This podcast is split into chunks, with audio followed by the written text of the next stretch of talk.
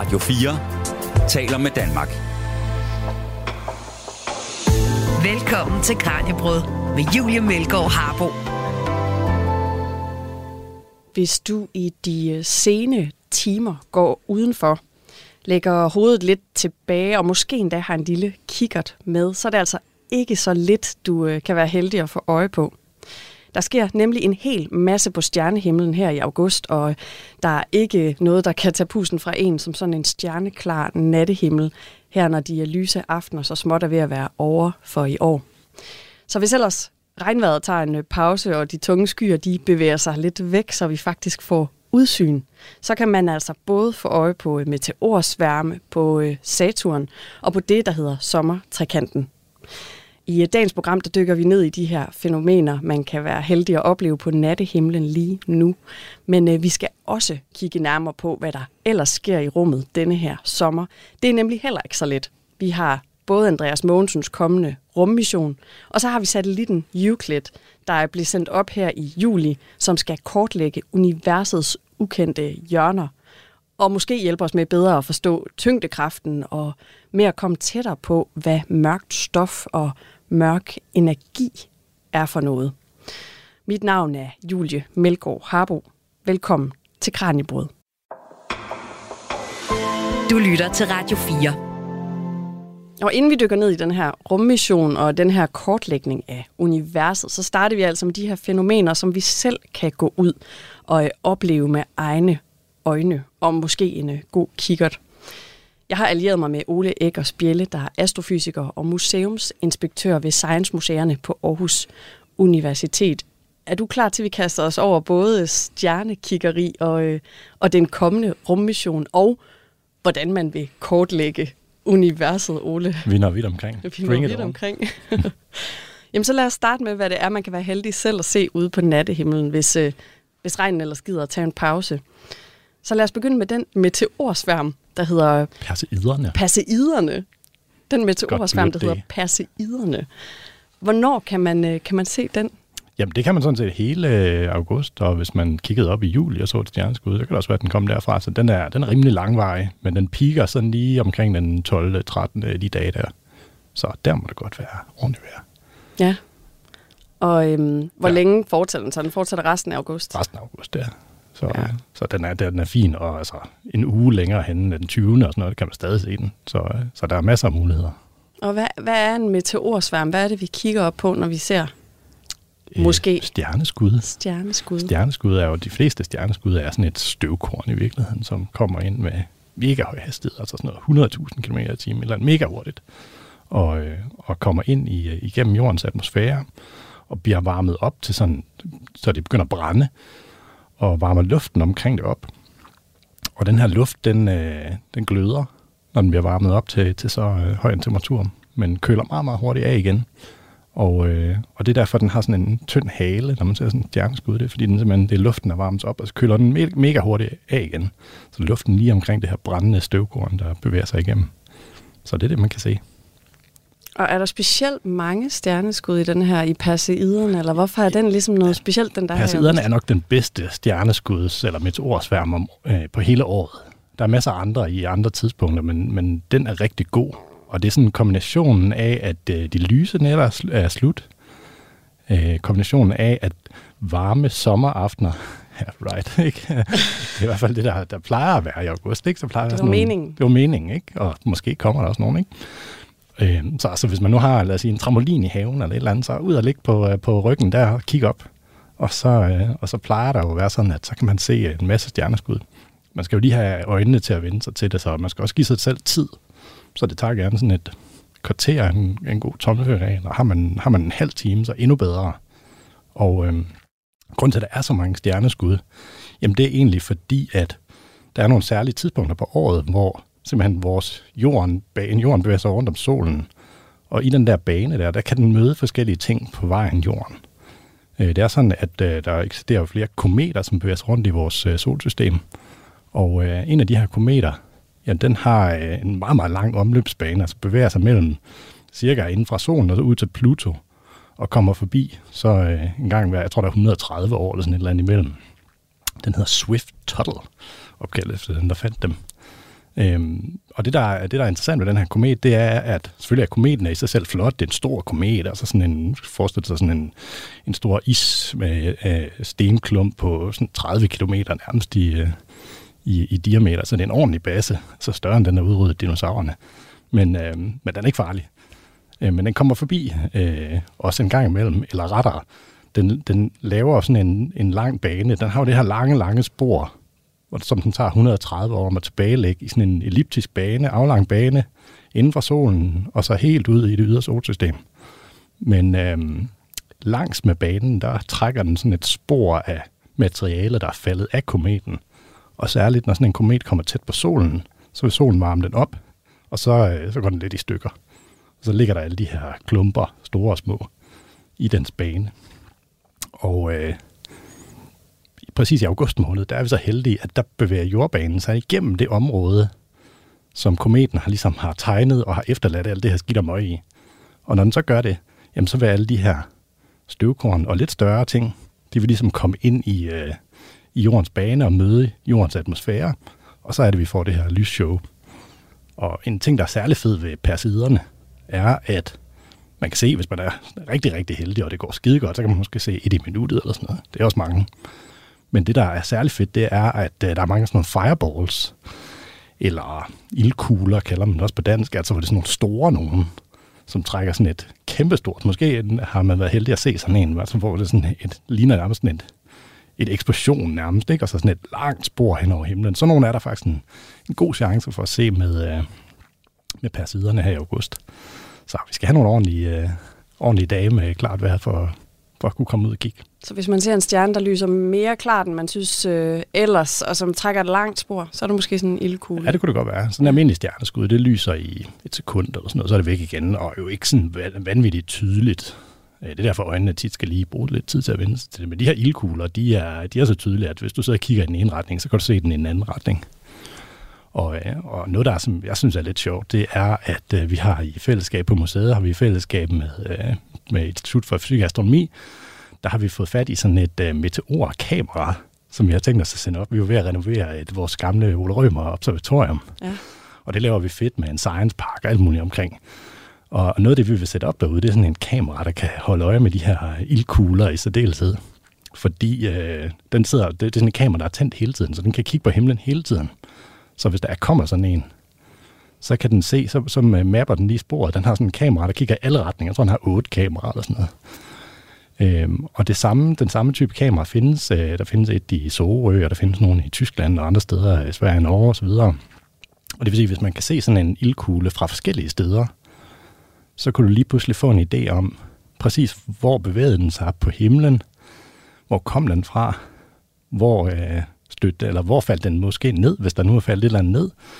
At øh, det er sådan nogle trekantsberegninger, man kan lave, hvis man har sporet fra flere forskellige steder på, øh, på jorden. Så det synes vi jo er veldig sjovt. Det kunne være nogle gode studenterprojekter, og så kunne det også være meget sjovt at gå ud og lede et eller andet sted, hvis vi tror, der er faldet noget ned. Sker det tit, at der falder noget ned? Ja, ja, det gør ja. det faktisk ret tit. Man tit er tingene små, og altså, der skal en ret stor klump til, før der sådan decideret falder store stykker øh, meteorsten ned på jorden. Men altså, det sker øh, relativt tit, og altså, der er masser af kilo, som rammer, rammer jorden hele tiden. Det er bare ikke altid, de bliver fundet, fordi hvordan skal du lige kunne finde den, hvis det er i en skov eller sådan noget, eller hvis det er i havet eller sådan noget. Så, så de fleste meteorer, de bliver fundet i ørkener, eller i sådan en tundra, eller sådan et eller andet, hvor den sådan virkelig skiller sig ud, og man kan se, hov, det ligner ikke det andet. Mm.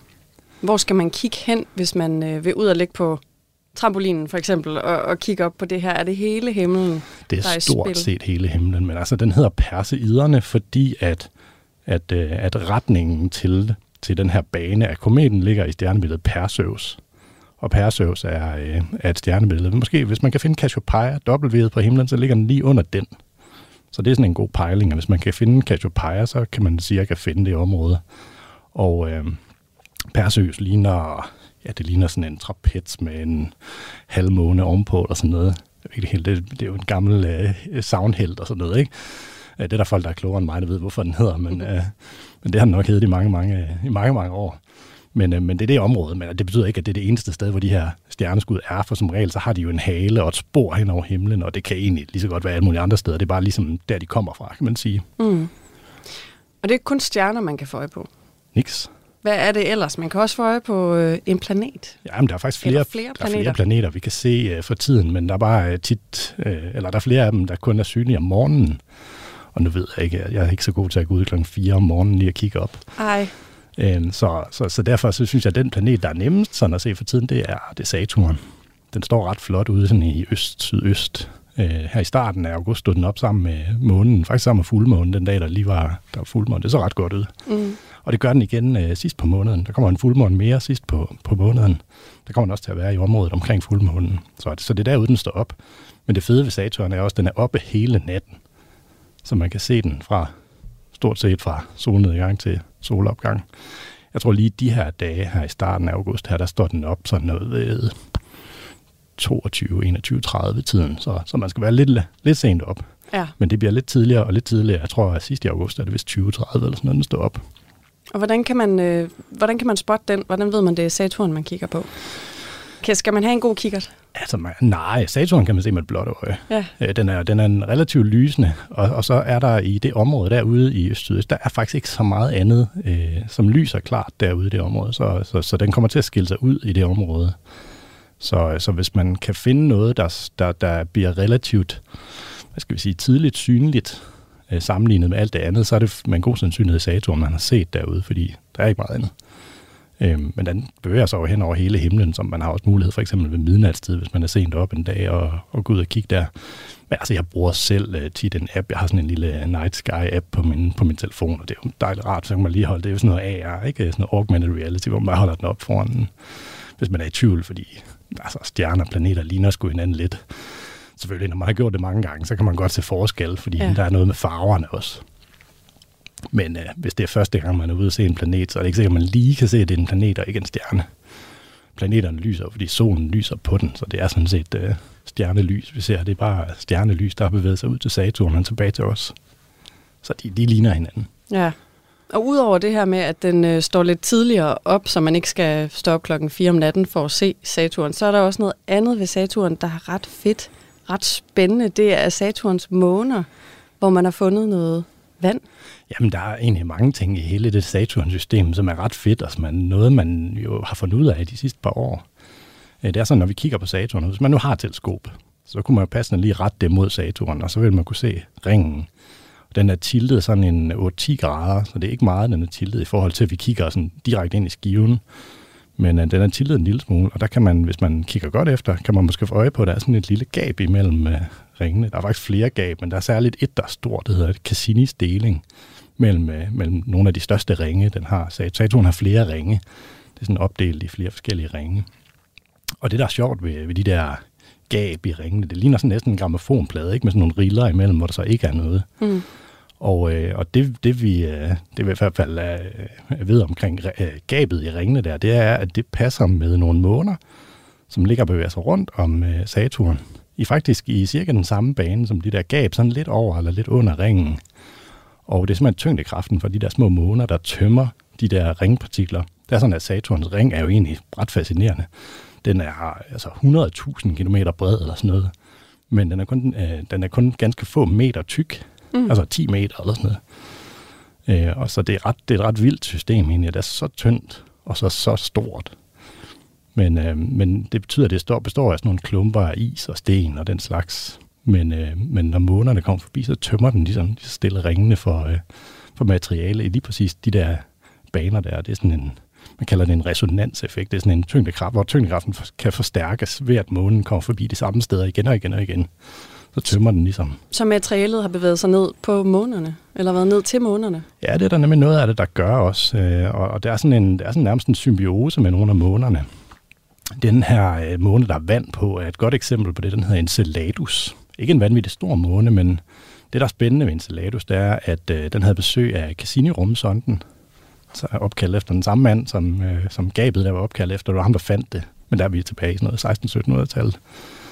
Øhm, men, øh, men den her måne, der har, man, øh, der har man fra den her rumsonde, det tog jo nogle fantastiske billeder af den. Og øh, der kan man se, at den er sådan en måne, der er dækket af sådan et godt islag. Men samtidig har man kunne se sådan nogle udbrud af, sådan nogle gejserudbrud, hvor der kommer vanddamp og, øh, og en masse andre mineraler op nede fra undergrunden. Så der er sådan et stort flydende hav. Og når man tager helt ud af Saturn-systemet, så kan man måske godt undre sig over, hvordan det kan være flydende vand, sådan et sted, hvor der er pissekoldt. Mm. Øhm, men, øh, men man får lidt af svaret, hvis man prøver at kigge lidt efter på nogle af månerne, og også på ringen. Og man har jo lavet nogle ret øh, spændende målinger på, på de, og fundet ud af, at, at ved sådan, øh, de bedste estimater, man har, så er de faktisk ikke specielt gamle. Så de er sådan noget 50-100 millioner år gamle. Det lyder måske ret gammelt, men øh, hvis man sammenligner med hele Saturn-systemet og ja, jorden og resten, så er det jo sådan noget 4,5 milliarder år gamle.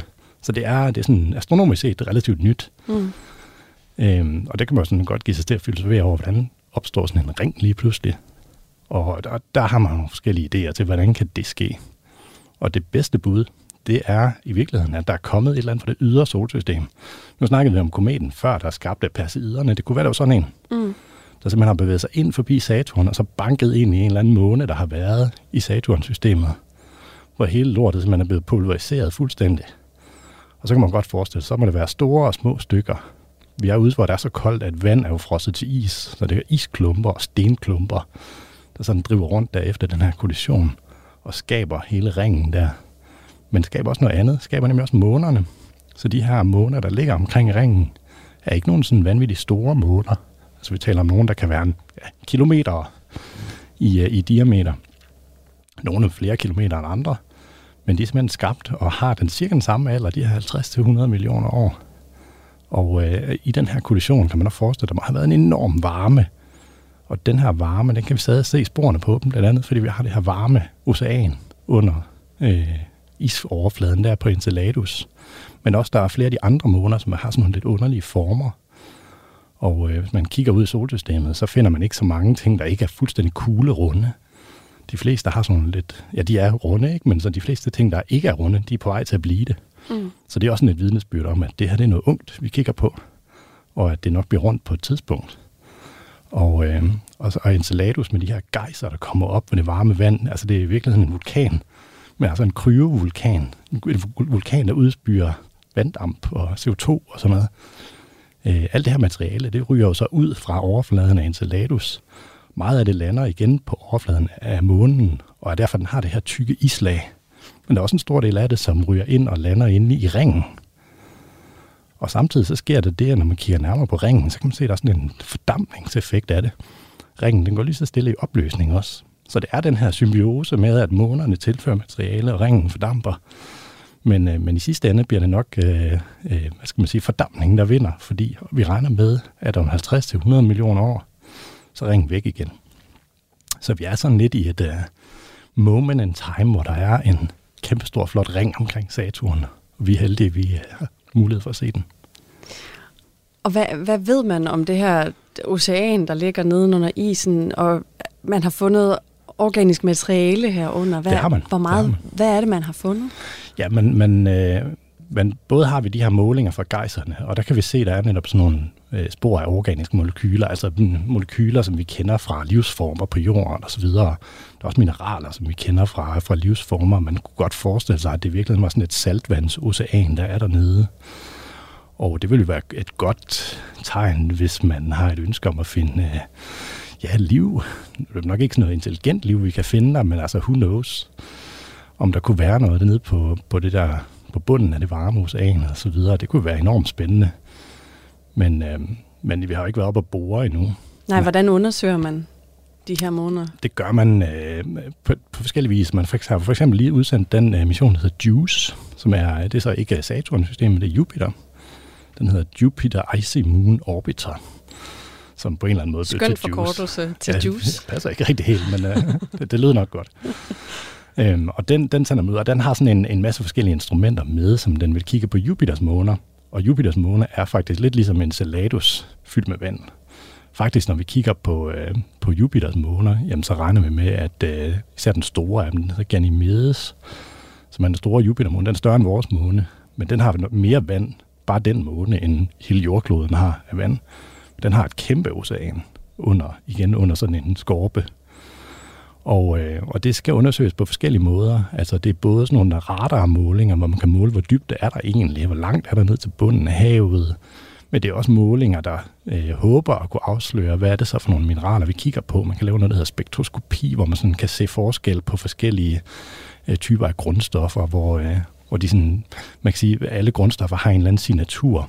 Og det er den, man vil, sådan vil lede efter i det, øh, ja, ved at ja, bruge forskellige instrumenter til netop at, at få den til at afsløre, hvad for nogle grundstoffer består den af, fordi så er det, at vi kan begynde at se forskel på forskellige typer af molekyler, og måske finde nogle af de byggesten, som også er, er en del af livet. Det er, nogle, det er nogle fede muligheder. Vildt. Ja, og så har man jo endnu vildere idéer, fordi på et tidspunkt, man har jo øh, både NASA og ESA, de ved godt, at det her det er skide spændende, og hvis man virkelig skal, skal rykke, så kunne det være et fedt sted, ikke? Så de er ved at lave sådan nogle pakker af øh, robotter, der måske kan gå ned, bore ned i isen og svømme rundt dernede, eller i hvert fald med noget, man kan bruge, hvis man kunne tage nogle prøver eller et eller andet. Det, der, der er nogle spændende muligheder der, men øh, der er vi nok på den anden side af 2030, tror jeg, før det sådan bliver rigtig vildt. Lidt længere udsigter. Lidt længere udsigter. Du lytter til Kranjebrud på Radio 4. I dag i Kranjebrud, der kigger vi op mod øh, stjernerne og ser, hvad der rører sig på himlen og i rummet her i august. Mit navn er Julie Melgaard Harbo, og med mig i studiet har jeg Ole Eggers Bjelle, der er astrofysiker og museumsinspektør ved Science Museerne på Aarhus Universitet. Og inden vi skal høre om den rummission, som Andreas Mogensen han øh, skal på lige om lidt, så skal vi altså tale om en satellit, der måske kan opklare nogle af universets største mysterier om øh, alt fra tyngdekraft til mørkt stof og mørk energi. Her den 1. juli, der opsendte det europæiske rumagentur sammen med NASA, nemlig rumteleskopet Euclid. Og planen er, at man ved hjælp af Euclid kan lave et 3D-kort over universet. Så Ole, lad os øh, starte med, hvorfor man vil lave et 3D-kort over universet. Altså, hvad er det, man håber på, man kan finde ud af ved at lave sådan en kortlægning? Og det første svar, det er, fordi vi kan. Ja. er det ny, helt ny teknologi, er lidt. der gør det muligt? Ja, det, det er det lidt. Det er det lidt. Man kan sige, hvis man sådan groft kigger på, på, på universet, så består, øh, så består det af stjerner, sådan nogle som solen. Hvis vi kigger på vores, øh, vores nærområde, så har vi jo solen, og så har vi en masse andre stjerner. Alle dem, vi kan se på himlen, ligger inde i det, der hedder Mælkevejsgalaksen. Og der er måske 100 milliarder, måske lidt flere øh, stjerner i Mælkevejsgalaksen. Så virkelig, virkelig mange i sådan en flot skiveform. Men øh, Mælkevejsgalaksen er igen bare en blandt virkelig, virkelig mange galakser. Igen, når vi sådan bruger alle de observationer, vi har, så har vi set omkring 100 milliarder galakser. Så igen, det er vanvittige tal. Fuldstændig svært at øh, se for sig. Ret svært. Ja. Ret svært. Øh, det har også taget mange år, men, øh, men, og det har været alle mulige forskellige teleskoper, altså både nogle, der har været i bane om jorden, og nogle, der har stået på jorden og kigget op osv. Og, og Euclid er et rumteleskop, hvis primære formål er netop at finde alle de her galakser, men ikke bare finde dem og se dem, men også finde ud af, hvor er de, hvor langt er de væk. Det er også sådan, at når vi kigger ud i universet, så skal vi altid huske på, at vi kigger jo i virkeligheden tilbage i tiden.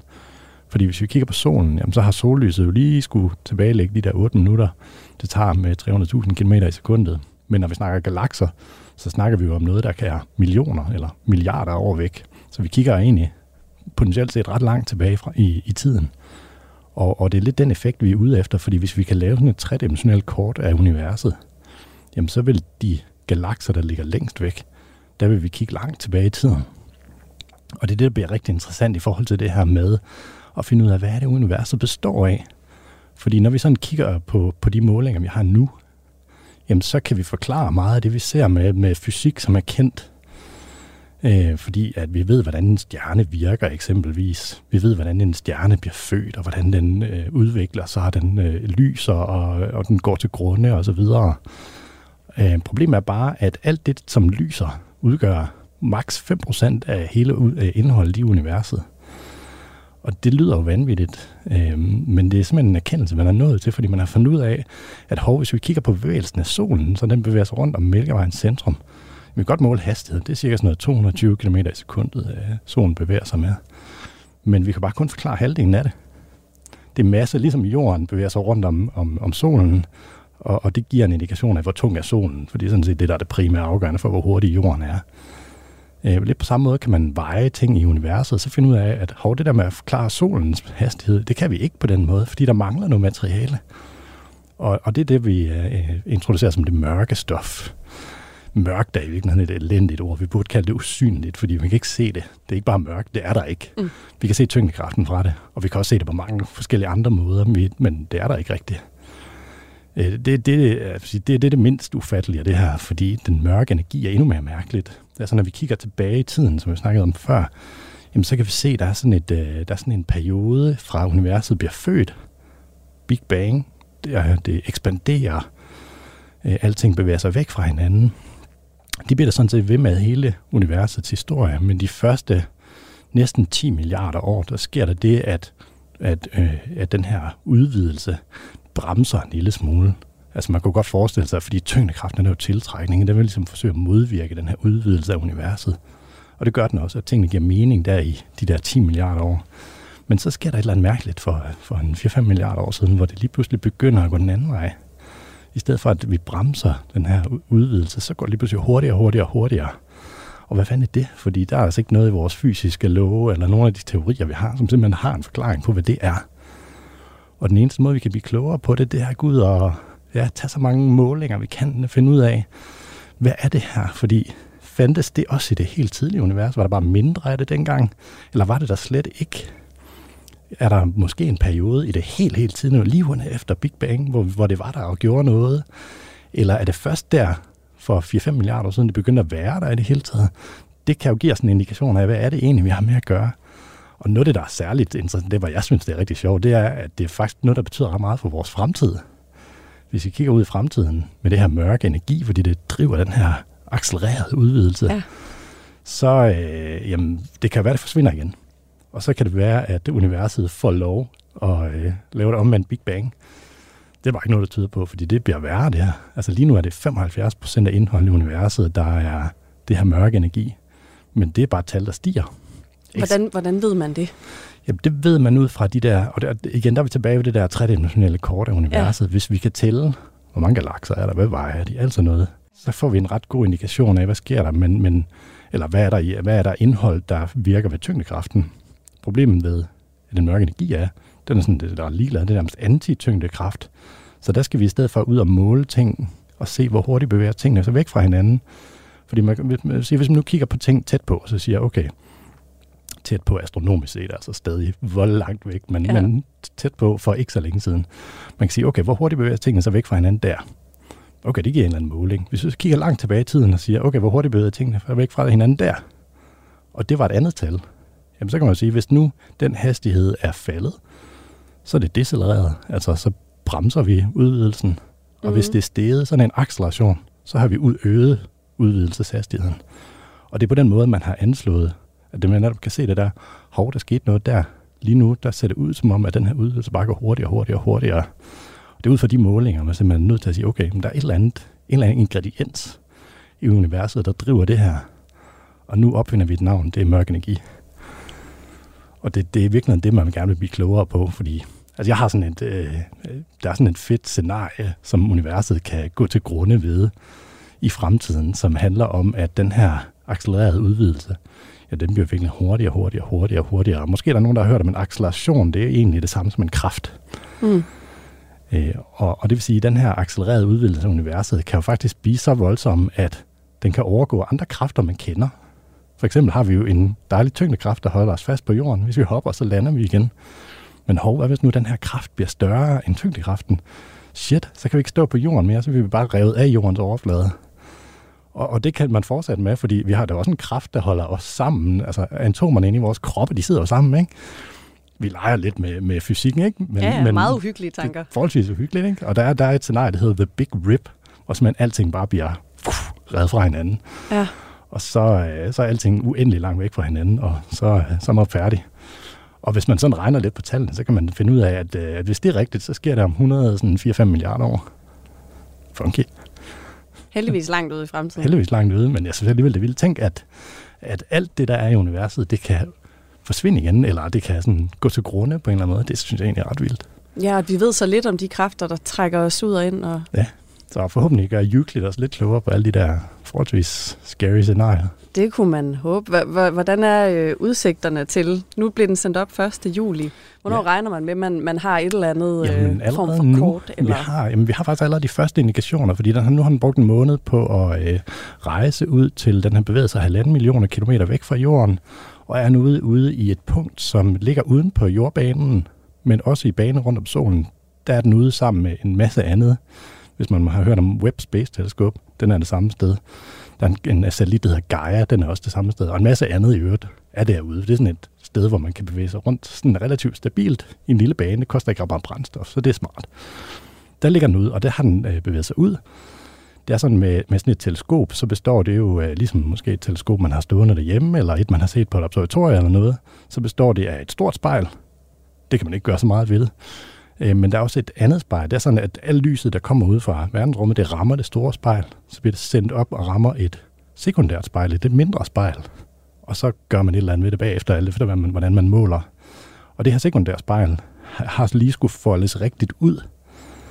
Øh, det er tit sådan, når man sender en, en noget udstyr op, så pakker man det godt sammen, så det kan være nede i en raket og så videre, og så skal det selv pakke sig ud. Og, øh, og det er det, den har været i gang med også. Og nu har den, man så her i starten af måneden blevet frigivet de første billeder øh, af sådan et lille område på himlen, altså mindre end månen, jeg tror det er en fjerdedel af månen eller sådan noget, som bare ser fuldstændig knivskarpe ud, og hvor man bare kan se ufattelige mængder af stjerner og galakser og sådan noget, så det er bare sådan noget, altså jaw-dropping, ikke? hvor man bare tænker, wow, det er fedt det her. Og det er bare sådan, mens de er i gang med at teste, om udstyret virker, ikke? så det bliver bedre.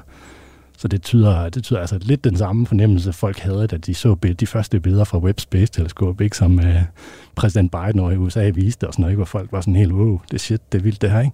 Det er lidt den samme fornemmelse her, ikke? man bare kan se, okay, der er virkelig sket noget med teknologien, og de der uh, science-mål, man havde, de, uh, de skal nok blive realiseret. Kan vi få nogle, uh, nogle teaser Nemlig. her i løbet af, af efteråret? Nu skal det altså til at handle om uh, den rummission, som Andreas Mogensen han skal på lige om lidt. Øh, men hvis man gerne vil vide endnu mere om den her Euclid, og hvad det er, man håber på øh, at finde svar på, så kan man altså gå ind i sin podcast-app og lytte til et øh, uh, kraniebrudprogram, der bliver sendt tilbage den 28. marts, fordi her dedikerede min kollega Peter Løde altså et helt program til den her satellit. Uh, så hvis man ikke synes, vi nåede nok omkring, så kan man altså gå ind og finde programmet fra den 28. marts.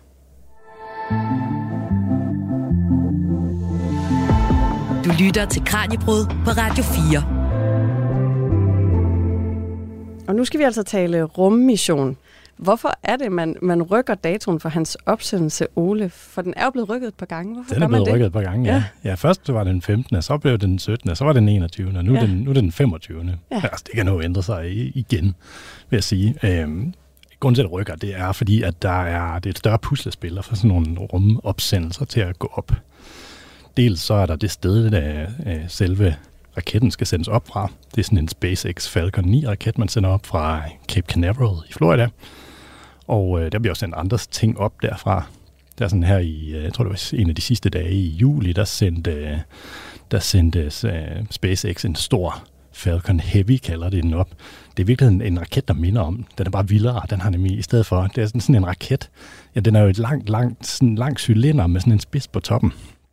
Altså, vi taler om noget, der er sådan er ej, jeg ved faktisk ikke, hvor høj den er. 50 meter, Men den er meget, meter. meget, meget høj og tynd. Kæmpe høj. Ja. Kæmpe høj, kæmpe tynd. Og den nederste, altså det, langt største del af raketten, det er sådan et langt rør, der er egentlig bare fyldt med brændstof. Og øh, den raket, som Andreas Mogensen skal op i, der kommer de til at sidde i sådan et lille crew-modul, kalder, det, kalder man det. Som er sådan en lille trekantet øh, modul, som sidder helt op på næsen af raketten. Så det må være lidt scary at have det der kæmpe brændstof der nede under, så er bare sådan, wow. øhm, men øh, den her Falcon Heavy, der blev sendt op øh, der for, for, for nogle uger siden, den har tre af de her kæmpe rør af brændstof, fordi den skulle sende noget, der var tungere op. Og den er så tung, at man kan sende, altså man kunne tage en jet, jetfly og sende op med sådan en i, ud i rummet. Øh, så den kan sende virkelig, virkelig tunge ting op. Men det betyder jo også, at når man sender sådan en op for sådan en launchpad, så kommer der jo helt vildt meget sådan noget thrust og udstødning og alt muligt andet ud over det hele. Plus at man skal have Øh, ligesom opsat den, den platform, der skal sende den op fra, skal der jo være sådan et tårn, der kan øh, støtte støtte alt det der. Og det er ikke bare sådan lige at gå fra at sende en type raket op til at sende en anden type raket op. Andreas skal op med en Falcon 9-raket, som er den mindre lillebror til den anden der. Og, øh, og det, det tager simpelthen to-tre uger eller sådan noget, at lave platformen om fra det ene om til det andet. Man skal også lige assess, hvad der, hvad der eller sådan vurdere, hvad der altså, er altså, nogle skader og alt sådan noget. Så det er derfor i første omgang, at man rykkede det lidt. Og så har der også bare været øh, lidt trængsel, kan man sige, på, øh, på ISS, fordi der er også nogle andre ting. Man har et, øh, et nu er det, et, øh, nu er det SpaceX, et amerikansk firma, som sender øh, modulerne med astronauterne op, men samtidig har russerne jo også et øh, opsendelse, det er fra Baikonur i øh, Kazakhstan, hvor de sender øh, deres raketter op fra det, der hedder Soyuz. Måske er der nogen, der kan huske, dengang Andreas Mogensen var i, på ISS i 15. Der blev han opsendt netop fra Kazakhstan i sådan en Soyuz-raket. Det er sådan nogle russerne har brugt siden 60'erne, så de er virkelig pålidelige. Så, så, så det er lidt for at få det der puslespil til at gå op, så har man, så har man lige skudt datoen også, så man er ret sikker på, at okay, der kan det lade sig gøre den 25. som det hedder nu, ikke? Men, øh, det kan nå at ændre sig. Altså også fordi i Florida er ligefrem kendt for at være et sted, hvor vejret er godt i august. Det er sådan hurricane season og alt muligt andet. Så altså lige nu arbejder man med at sige, okay, det er, den, det er der, vi går efter. Det er klokken 9 om morgenen. Men vi har også en mulighed for at sende det op. Det er, det er en fredag, men vi har også mulighed lørdag og søndag. Så det kan også ende der. Og nu skal vi altså høre, hvordan øh, Andreas Mogensen han øh, forbereder sig til en tur i rummet. For det kræver altså ikke så lidt at forberede sig på at være deroppe i et halvt år, som han altså skal denne her gang. Klippet, øh, vi skal høre her, er fra et Kranjebrød-program, der blev sendt den 28. december. Og her fortæller Andreas Mogensen blandt andet om, hvordan han forbereder sig til en mission. Jamen, det er mange, mange forskellige ting. Øh, det er alt fra de tekniske systemer bor på rumstationen. Det vil sige øh, alt fra computersystemerne til radiosystemerne til life support systemerne til køle- og varmesystemerne. Dem skal jeg lære at kende. Øh, ikke kun så jeg kan bruge dem, men også så jeg kan reparere dem, hvis de skulle gå i stykker. Så kommer der øh, derudover øh, alt den videnskabelig træning, eller al den træning, der har at gøre med de eksperimenter, som jeg skal udføre, mens jeg er deroppe.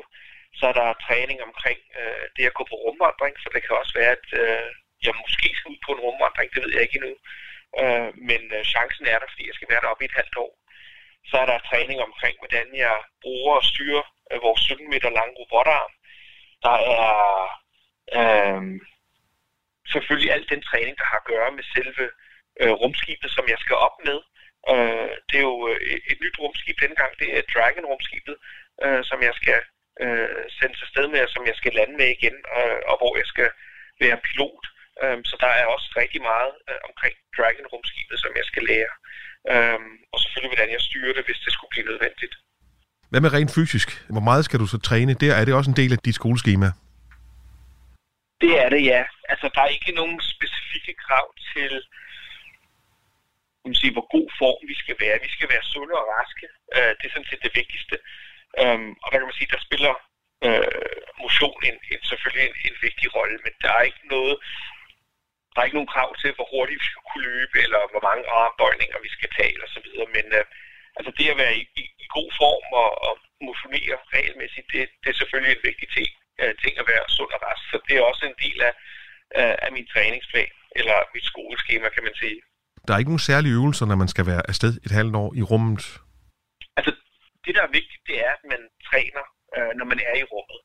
Øh, fordi det, når man er i rummet, når man er vægtløs, så bruger man ikke sine muskler. Øh, man bruger ikke sine knogler. Øh, og når man ikke bruger dem, så, øh, jamen, så, så mister man det også. Øh, så det er faktisk et krav, øh, at vi bruger to timer hver dag på at motionere. Og det kan vi gøre på et løbebånd, øh, eller på en motionscykel, og så har vi også en, øh, et styrketræningsmaskine, hvor vi kan lave øh, alle mulige forskellige øvelser. Og det er især benøvelser, øh, som vi fokuserer meget på, og det kan være squats, det kan være deadlifts, øh, øh, og så videre. Og det er jo netop fordi øh, knoglerne i, i, i vores ben og i hofterne især, øh, er jo nogle af de største, og dem som er mest... Øh, øh, man sige, hvor, hvor risikoen er størst for, at vi, vi mister knoglemasse, når vi nu ikke skal gå på vores ben, øh, når vi er i rummet og vægtløse. Øh, så det, der er vigtigst, det er, at vi modellerer i rummet ikke så meget, øh, man vil sige, hvad vi gør før missionen, men selvfølgelig så skal vi, vi skal vide, hvordan vi, øh, hvordan vi styrketræner på en ordentlig måde. Så man kan sige, at vi øver os i et, i et fitnesscenter på at lave især squats så deadlifts øh, videre. Og en eventuel rumvandring, øh, kræver det noget særlig fysik, eller er det nogle, nogle andre ting, man skal, skal have lært i forhold til det? Altså, en, en rumvandring er helt klart øh, det mest fysiske krævende, vi laver. Øh, det at være i rummet og være vægtløs er faktisk sådan set ret let fysisk set, fordi som sagt, så kræver det ingen muskler eller ingen energi, man svæver bare rundt øh, helt frit. Men når man er på en rumvandring, øh, så kæmper man mod rumdragtens stivhed. Den er jo tryksat for at kunne holde en i live. Så vil sige, at der er en enorm trykforskel mellem indersiden og ydersiden. øhm, og det gør, at den er enormt stiv, og især handskerne, øhm, dem skal vi virkelig, altså vi skal virkelig bruge kræfter på at, at, at kunne gribe fat i værktøjet, øh, som vi bruger. Øhm, så det er en af de mest krævende ting, vi laver fysisk, og derfor så er det også en god idé øhm, at bruge tid i, i et fitnesscenter og, og, og have en, en vis øh, styrke, især i hænderne og armene. Sådan en rejse, som du så skal på, er det en rejse mod det ukendte, eller er der så meget, så meget styr på alting, så stort set ingenting er ukendt? Det er jo øh, helt sikkert øh, en rejse øh, på vej mod det ukendte. Altså forstået på den måde, at forskning øh, er jo netop en måde, vi forsøger at forstå øh, verden, øh, som vi er en del af. Altså forskning handler jo også om at udforske verden. Det er måske ikke en fysisk rejse, men det er øh, at blive klogere på den verden, øh, på den ukendte verden, øh, eller i hvert fald at svare på nogle af de spørgsmål, som vi ikke har svar på endnu. Øh, men derudover så er øh, missionen jo også en, en, en, en fysisk rejse ud i det ukendte. Altså det, vi laver ombord på vores det er også at øh, forberede os på at tage tilbage til månen og rejse videre til Mars. Øh, og nu her, øh, her i øh, her for nylig, der landede jo øh, Artemis 1-missionen øh, tilbage på jorden efter 25 dage øh, i, i, i, i rummet og i kredsløb om månen. Øh, og vi vil inden for de næste to år se den første bemandede testflyvning tilbage til månen, og så måske i løbet af 2025-2026 se de første mennesker lande på månen igen. Det er første gang siden 1972. Øhm, og meget af det, vi laver ombord på rumstationen, det handler jo netop om at øh, få den viden, udvikle den teknologi, som skal gøre det øh, muligt for os ikke kun at besøge månen, men altså etablere en base, øh, tilbringe længere tid, end vi nogensinde har gjort før, og så forhåbentlig en dag i fremtiden rejse videre til Mars. Så din rejse er et, et skridt mod det endnu mere ukendte, kan man sige? Det er det helt sikkert. Uh, rumstationen er et uh, helt utroligt godt sted uh, at forberede os på, uh, eller i hvert fald at lære, hvad der skal til, for at vi kan drage længere ud uh, i rummet. Det fortalte altså Andreas Mogensen til min kollega Kasper Fris.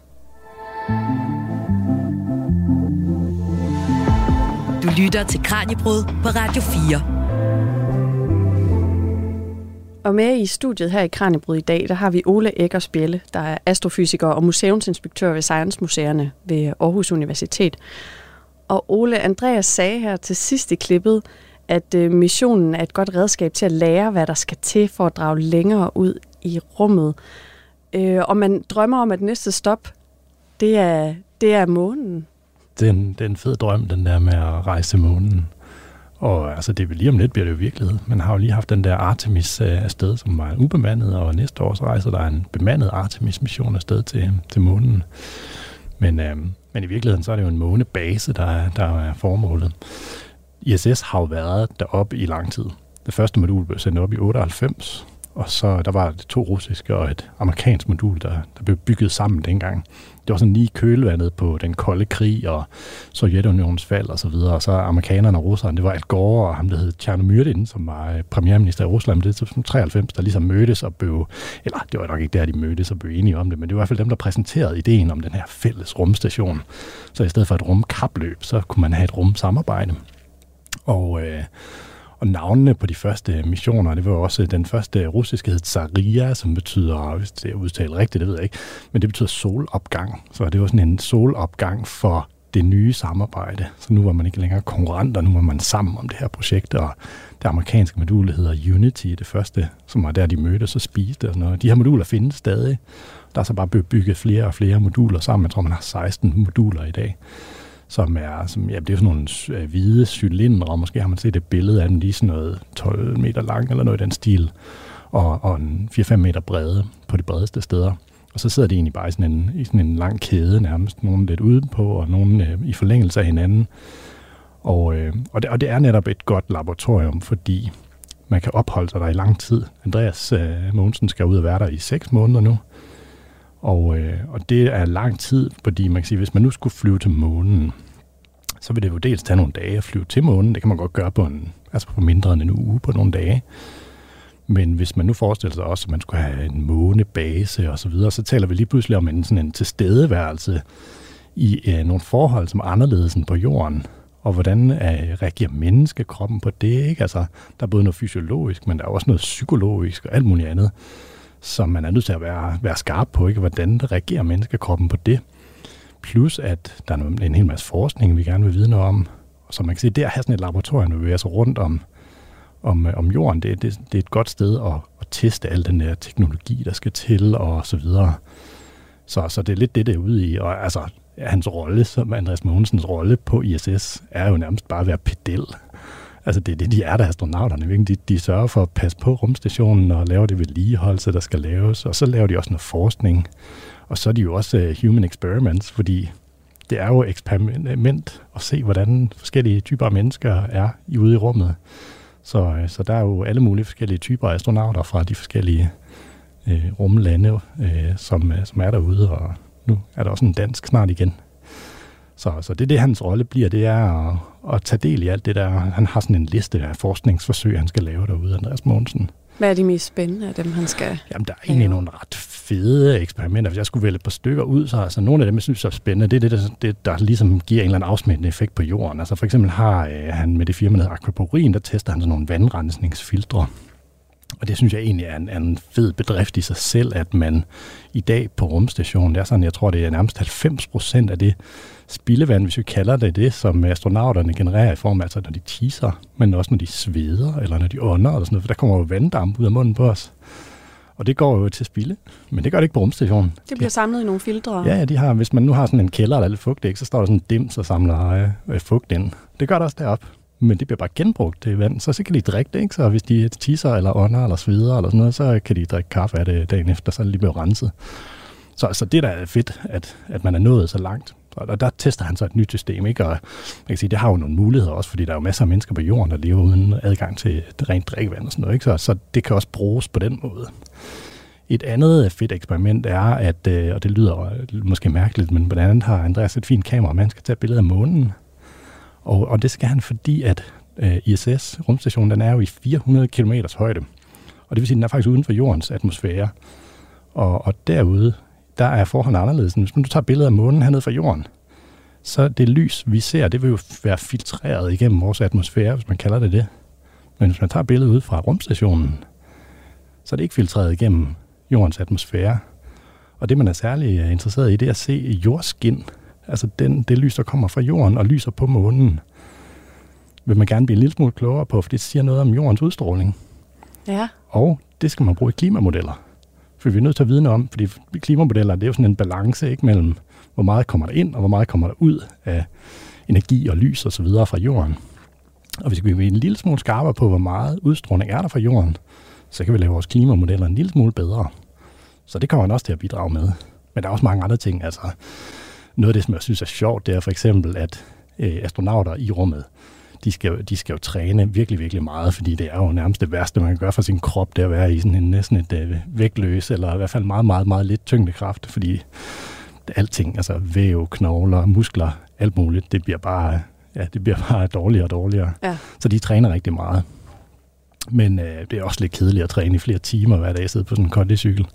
Så, øh, så blandt andet så, øh, så kommer de til at teste sådan nogle øh, hyggelige cykelruter i sådan et uh, virtual reality kamera. Det synes, Hvor smart. Ja, det er da meget fedt, ikke? Så margaritruten der, mens man sidder og... Øh, det synes jeg, der er meget hyggeligt. Ja, måske også godt for den mentale sundhed at komme lidt øh, væk fra rumstationen en gang imellem. Det er jo det er og... faktisk det, der er tanken, at, at det netop skal være øh, rarere for astronauterne at, at give lidt sådan mental velvære, fordi det er nok et relativt hårdt sted for, sådan, for psyken at være det samme sted og gøre de samme ting. Altså, det er jo sindssygt ensformigt. Jeg har set sådan en, der er sådan frigivet sådan nogle kalender for, hvad astronauterne bruger deres dag på.